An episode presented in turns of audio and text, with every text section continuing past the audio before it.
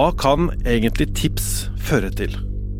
Har politiet som etterforsker Lørenskog-saken noe å hente på å etterlyse noe så seint inn i saken? Jeg heter Tor Erling Tømt Ruud, og dette er en ekstraepisode av Krimpodden i VG. Denne uka gikk altså politiet ut med en ny etterlysning i Lørenskog-saken.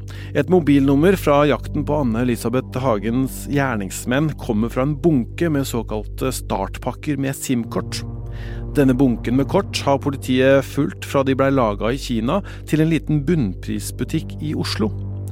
Politiet veit nemlig helt sikkert at nummeret blei brukt i et av de avanserte planleggingsskritta før Anne-Elisabeth Hagen forsvant fra hjemmet sitt. Og så ønsker politiet all mulig info om de 20 numrene som var med i denne pakken. Og nummeret som det er snakk om, som politiet er mest interessert i, er jo da 40 74 56 68. Og hvis du ikke allerede har hørt det, så anbefaler vi at du hører mandagens episode, der vi forteller om dette kontantkortet i Lørenskog-saken.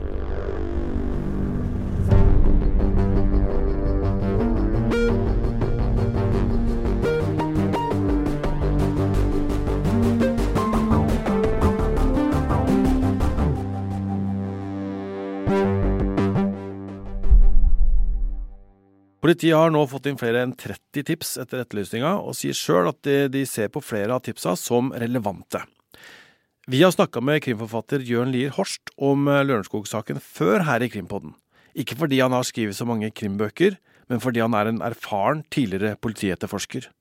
Nå har vi snakka med en på telefon, og han er ikke sikker på om politiet kommer til å ha hellet med seg når det gjelder tipsene de får inn nå. Jeg tror ikke man er så heldig med tipsene som kommer inn. Det, de tipsene som kommer, handler antagelig om noen som har uh, funnet lignende telefonnumre i, i, i, sine egne registre. Uh, mye av det informasjonen har nok vært kjent av politiet fra tidligere. Uh, så er det da hvis man skulle komme over én opplysning som, som, er ny, og som bringer noe nytt inn i saken. altså. Krimkommentator i VG, Øystein Milli, hva veit du om de tipsene som har kommet inn?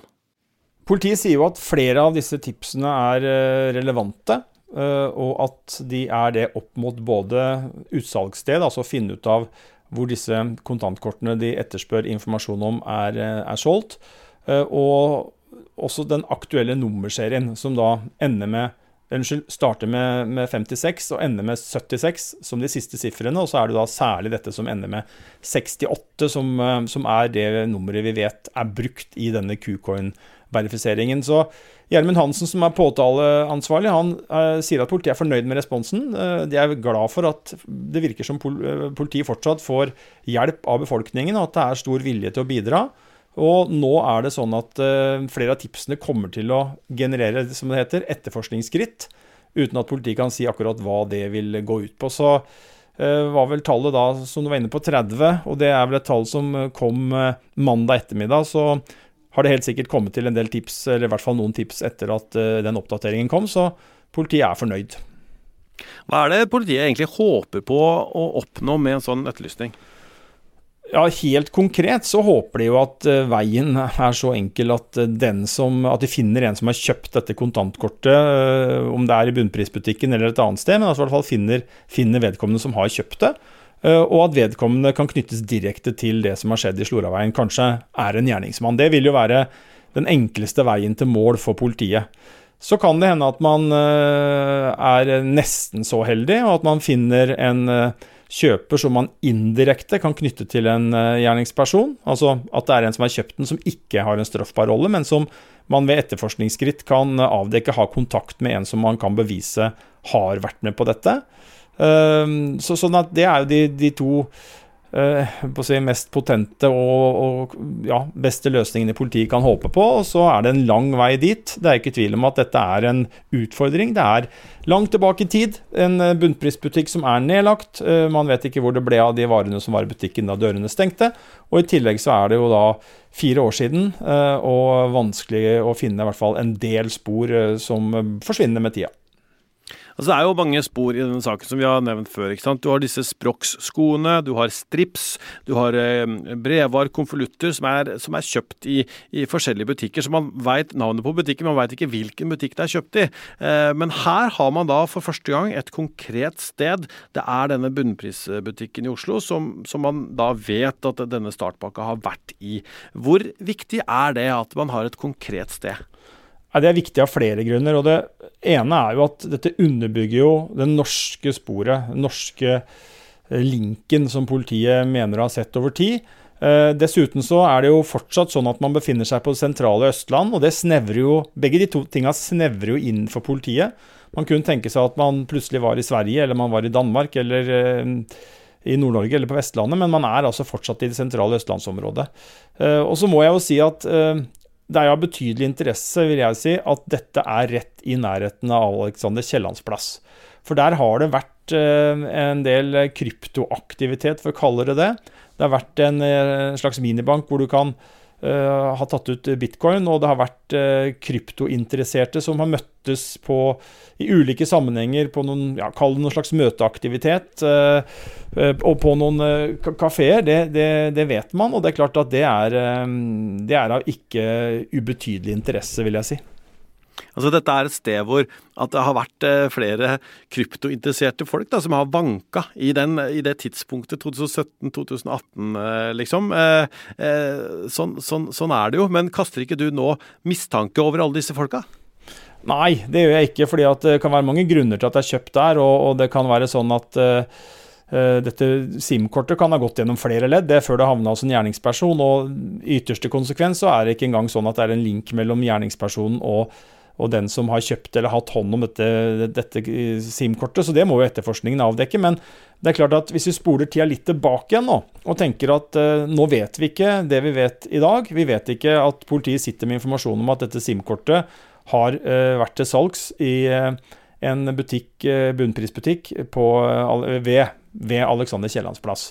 Og så sier jeg til deg, Tor Erling, at snart får vi vite hvor et sånt SIM-kort har vært til salgs. Uh, og, da, og, da, kunne jeg spurt altså, hva kan vi tenke og hva kan man håpe på kan få av interessante funn da.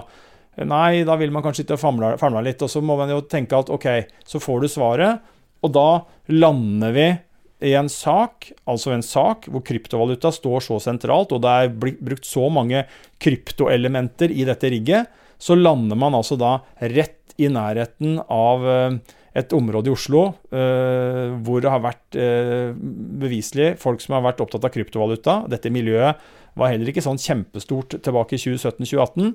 Og det er der man lander. Det er der dette SIM-kortet har vært til salgs. Så det, det tenker jeg er verdt å merke seg. Og så og så er det jo sånn at man, altså, Det er mange som diskuterer dette SIM-kortet nå. og Det er mange muligheter. Politiet er også åpne om det. Det kan være at noen har sittet og gjetta på dette nummeret når det er oppgitt denne, opprettet, eller brukt det på denne Qcoin-prosessen. Det kan godt hende. Og det kan godt hende at noen har eh, bare sett dette nummeret og tatt det og vært eh, på å si, heldig i den forstand at det ikke har vært i bruk. Um, uten at Det behøver altså det behøver ikke ha hatt noen betydning, da, men, men det, det som er interessant, er jo at hvis du tenker at du skal velge et uh, tilfeldig telefonnummer, så kunne du landa på deg, og du kunne landa på meg. Uh, og da vil jeg bare tenke som så at når man ser at uh, et nummer som er brukt, det tilhører ikke bare et kontantkort som har vært til salgs, men det har vært til et, et kontantkort som politiet vel da tror er eller i hvert fall åpne for, er solgt, og som ikke er Det det er dødt da. Det er ikke aktivert, og det er ikke brukt. Eh, så vet ikke jeg hvor mange sånne døde kontantkort som fins, men jeg vil tro at eh, sjansen for å treffe på andre nummer er mange, mange, mange ganger større. Og ikke nok med det, men man treffer altså da også i dette området i Oslo, Uh, ganske avgrensa område, hvor vi vet at det har vært folk med høy både kryptokompetanse og kryptointeresse som har ferdes i, i 2017-2018, så tenker jeg at det er to faktorer som gjør at man må stille seg spørsmålet er dette tilfeldig, og jobbe ut fra en hypotese om at det nødvendigvis ikke er det. Og da er det jo en del ting å ta tak i som man kan undersøke og se om man finner noen nye ledetråder eh, i, i den hypotesen. Vi har fortsatt Jørn Lier Horst med oss på telefon, og han tror det er en lang vei å gå fra å kunne knytte dette kontantkortet til en bestemt butikk, til en faktisk løsning. Det dette, det, kontantkortsporet eh, kan jo virke rimelig håpløst. Eh, men det vet man jo ikke før man har forsøkt. Og det som også er, ligger i bånn her, er jo Man vet jo heller ikke om dette er reelt. Man vet jo ikke om eh, dette telefonnummeret som er oppgitt, om det faktisk er noe som eh, gjerningsmennene har en kobling til, eller om det er et helt tilfeldig eh, valgt nummer. Da lander man jo ned på ingenting eh, til slutt. Ja, det som vil bli avgjørende videre, er om man klarer å knytte det nummeret, som jo faktisk ikke har vært brukt, da, til eh, personer eller til ja, et eventuelt kriminelt miljø. da. Knytte nummeret til en person. Dette har jo politiet jobba med lenge eh, og ikke kommet i mål. Så det at man går ut nå til publikum er jo et sånt siste forsøk da, på å, å forfølge dette sporet helt til endes. Men det er sannelig ikke sikkert at de lykkes med. også. Det har holdt på lenge nå, da. Det er nesten fire år siden Anne-Elisabeth Hagen forsvant i oktober 2018. Eh, kan etterforskningen fortsette nå og lede til nye opplysninger? Det er jo, det er jo ikke å stikke under en stol at det er en utfordring at det har gått snart da ja, fire-fem år siden uh, dette SIM-kortet var uh, til salgs, og over fire år siden dette kryptorigget ble eller rundt fire år siden dette kryptorigget ble, ble jobba med, det vet man jo. Ble jobba med i, i, sommeren 2018. og noen elektroniske spor de, de, blir borte. altså Telefonlogger, videoopptak, altså overvåkningsvideoer, de skal jo slettes etter et regelverk. Mens andre elektroniske spor de, de kan jo bestå. og det er jo da av stor verdi for politiet. Hvis du holder det opp mot vitner f.eks., så er jo det ofte veldig viktige kilder til informasjon. Men det er klart en vitneforklaring som handler om noe som skjedde for fire eller fem år siden, den, den vil jo være påvirka av det. Så, så, jeg vil jo si at elektroniske spor som uh, ikke er blitt sletta, som står fortsatt en dag i dag, det er klart de er, uh, de er gode ledere for politiet i den grad de klarer å finne det. Hva er det politiet trenger da for å bryte gjennom nå og komme seg videre i saken? Nei, de trenger jo, altså Det de jakter om alt handler om, det er jo å finne sikre opplysninger om hvem som utsatte Anne-Elisabeth Hagen for vold. Eh, og det som politiet mener er et drap, eh, og hvem som har satt opp dette kryptorigget. Eh, det er jo det alt handler om. Knytte noen, én eller flere, det vet vi ikke, men gjerningspersoner opp mot disse to elementene her. Og det er det det jobbes hardt med, og vi ser jo stadig vekk hvordan denne saken er eh, en, et, et, stort puslespill, og hvor man tar seg fram gjennom en hinderløype og si, sprenger seg gjennom noen murer og forsøker å komme seg videre for å se hva som skjuler seg bak neste hinder. Og, og målet er jo stadig det samme, det er å komme helt, helt, frem til en løsning.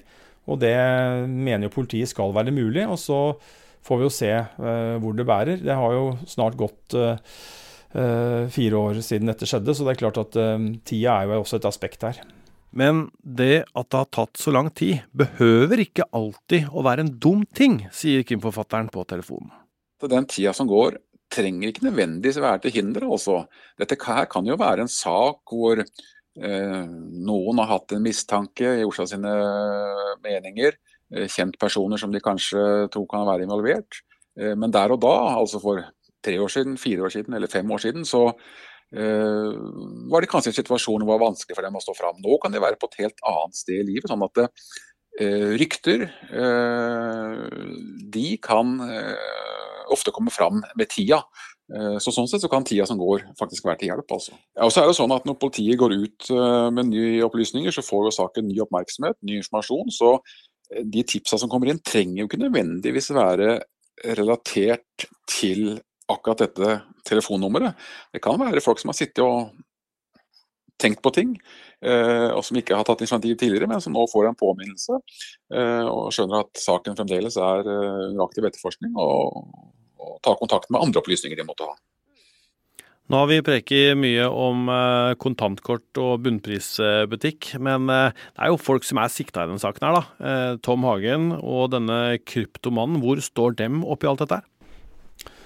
Begge er jo sikta. Tom Hagen for drap eller medvirkning til drap, og denne kryptomanen, som jeg mener vi må understreke at uh, har fått dette kallenavnet fordi at han hadde kryptomøter med Tom Hagen. Uh, bruk av ordet kryptoman betyr ikke at han er skyldig. Han er, han er fortsatt sikta. Han er sikta for eh, for bortføring eller medvirkning til bortføring. Begge disse to nekter straffskyld. Eh, og vi har ikke hørt mye, eller vi har ikke hørt noen ting fra politiet om hvor sakene mot dem står. Som veldig mange husker, så ble jo begge pågrepet for ja, omtrent akkurat to år siden nå. De, Hagen ble jo da løslatt av retten, mens denne såkalte kryptomannen han ble jo ikke forsøkt fengslet av politiet. Han ble løslatt etter avhør. Og så vet vi at begge forsvarerne deres er utålmodige og mener at siktelsene skal, skal tas vekk. At det skal henlegges for begge, begges vedkommende. Men, men, det vet vi ikke. Vi vet ikke hva politiet mener om det. Det er helt taust når det gjelder dette. Krimpodden kommer i hvert fall til å snakke om Lørenskog-saken framover også. Denne episoden er laga av Anna Sofie Tørmoen. Øystein Millie har vært med, og jeg heter Tor Erling Tømt Rude.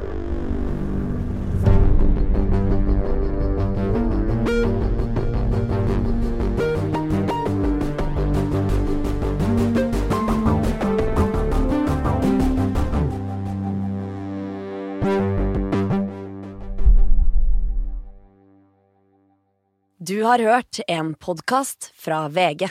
Ansvarlig redaktør, Gard Steiro.